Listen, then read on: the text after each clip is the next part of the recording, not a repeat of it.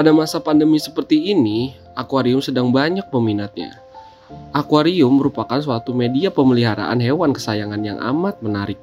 Karena saat ini akuarium tidak hanya sebagai tempat untuk memelihara ikan saja, akan tetapi akuarium juga bisa jadi tempat menyalurkan seni estetika dan juga bisa sekedar hanya menjadi tempat untuk penghilang penat selepas beraktivitas seharian. Pak Andre merupakan salah satu pedagang akuarium di Jalan Bina Marga Kota Bogor. Beliau sudah merintis usaha akuarium ini sejak tahun 2017, kurang lebih tujuh tahun lamanya. Iya. Mohon izin wawancara ya Pak. Mangga silakan. Eh, boleh saya tahu Pak sebelumnya nama Bapak siapa ya? Nama saya Acep Strip Andri, cuman orang kebanyakan manggil Andri. Pak Andre Iya. ya ya. Eh, apa kalau boleh saya tahu nih Pak, Bapak membuka usaha akuarium ini tuh udah berapa lama sih? Eh, kurang lebih sekitar tujuh tahun ya saya mulai buka itu 2015 Lumayan lama ya Pak ya? lumayan. Terus eh, kalau boleh saya tahu nih, kenapa Bapak tuh memilih untuk buka usaha akuarium gitu? Ah begini, kebetulan saya orangnya hobi di ikan hias pastinya. Jadi apa susahnya sih hobi saya itu disalurkan sama me- menguntungkan juga kan begitu. Sih ya Pak ya. Terus eh, kira-kira Pak kalau boleh saya tahu nih modal utama Bapak nih, modal pertama Bapak untuk buka usaha itu berapa sih? Ah, awal buka kios ikan hias ini saya 2015 dengan modal 7 juta. 7 juta. 7 juta.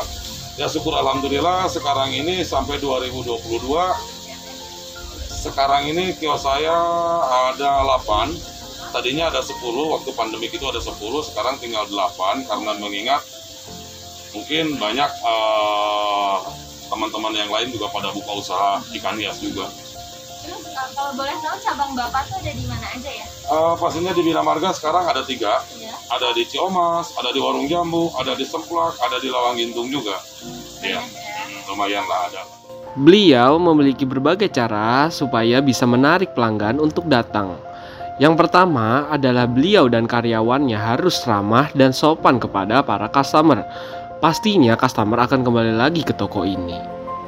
Kan uh, mulai dari tahun 2020 ini kan udah masuk masa pandemi nih ya Iya. Pak ya. Hmm. Terus kan pasti banyak yang jualan akuarium juga Pastinya. dong. gitu kan. Itu gimana cara Bapak pelanggan nih? Oh pastinya kalau kita mau narik pelanggan satu dengan catatan kar- karyawan kita maupun saya pribadi ya harus ramah, harus sopan pastinya sama customer.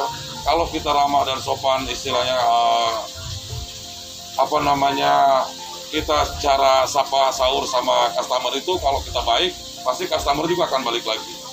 Seperti ya Pak ya. Iya. Terus gimana cara Bapak buat bersaing nih sama kompetitor yang lainnya nih? Kalau masalah bersaing itu begini kalau saya pribadi. Satu kualitas kualitas barang harus kita bagusin dan harga juga jangan terlalu mahal juga. Jadi pastinya customer pasti balik semua ke kita. Sesuai sama barangnya aja. Iya gitu dong, ya. udah pastinya seperti itu. Terus yang terakhir nih Pak, Iya. eh, boleh nggak kasih saran atau pesan gitu untuk Bapak nih untuk masyarakat eh, atau terlebih lagi kayak anak muda ya gitu kan yang mau membuka usaha gitu, membuka bisnis gitu gimana sih? Ah, pokoknya gini aja kalau untuk anak muda, pokoknya kalau mau belajar bisnis jangan pesimis, harus optimis kita maju dulu aja. Jangan pesimis, jangan takut rugi, jangan takut rugi, jangan takut rugi. Kalau kita kebanyakan terlalu berpikir kebanyakan takut, takut, takut, takut, kapan kita majunya? Harus mengambil resiko ya. Ambil resiko apa pun itu pasti ada resikonya. Iya. Cuman lambat laun juga akan membawakan hasil yang maksimal. Terus gimana eh, yang apa kayak Bapak kayak apa ya terpuruk gitu misalkan itu gimana cara Bapak bangkit? Oh, kalau masalah keterpurukan itu kebetulan begini deh. Kalau saya pribadi karena awalnya dari hobi, ikan sakit harus di- berupaya kita sekuat tenaga bisa ngobatin. Begitu. Iya, Jadi kan istilahnya tipis kemungkinan ikan kita mati iya. kalau kita berupaya untuk ngobatin. Kan seperti itu. Jadi kalau masalah cerita keterpurukan, memang semua usaha pasti ada resiko. Cuman kalau kita kasarannya kita murung, murung, murung, kapan kita mau kegantinya, kita kan berarti harus semangat untuk mengganti yang kerugian tersebut kan. Menurut Kaira, Pak Andre merupakan sosok ayah yang baik, bertanggung jawab, dan penyayang. Ia juga hampir setiap hari membantu bekerja di toko sebagai kasir. Untuk di toko sendiri, Pak Andre menganggap Kaira selayaknya karyawan biasa, tidak membeda-bedakan setiap karyawan. Namun, jika di rumah, Kaira diperlakukan selayaknya ayah kepada anak. Pak Andre tuh sosok ayah yang kayak gimana sih? Eh, Pak Andre itu orangnya baik, eh, bertanggung jawab, penyayang.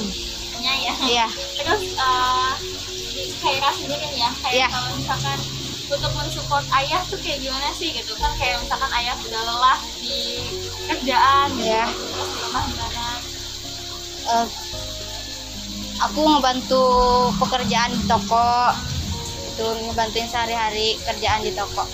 terus eh, ada nggak sih kayak perbedaan Pak Andre pas di rumah sama di toko tuh kayak gimana gitu Eh, kalau di toko Pak Andre nganggep kayak karyawan, kalau di rumah kayak biasanya gitu.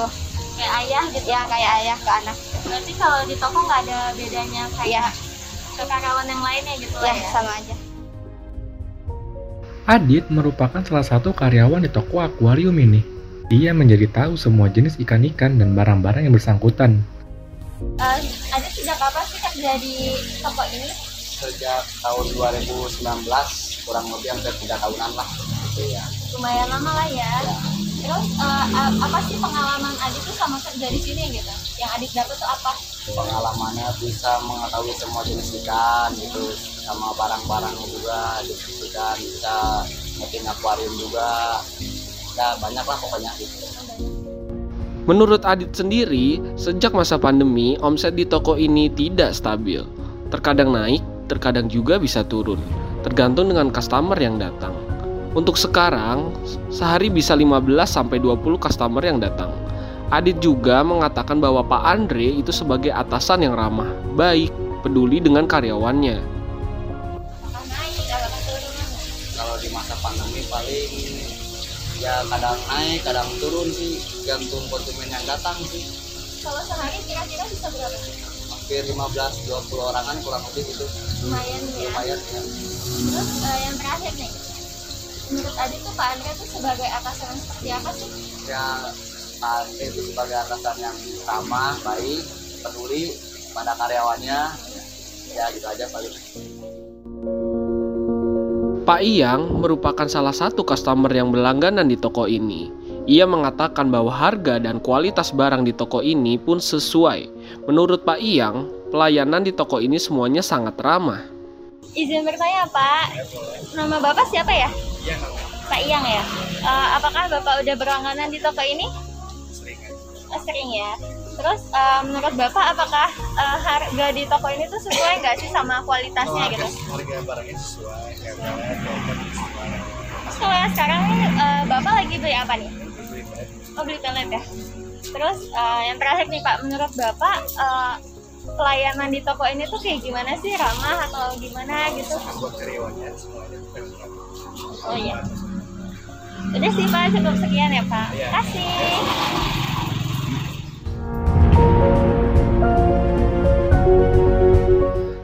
Banyak sekali orang yang mempunyai ide-ide yang sangat kreatif, apalagi untuk membuka suatu usaha.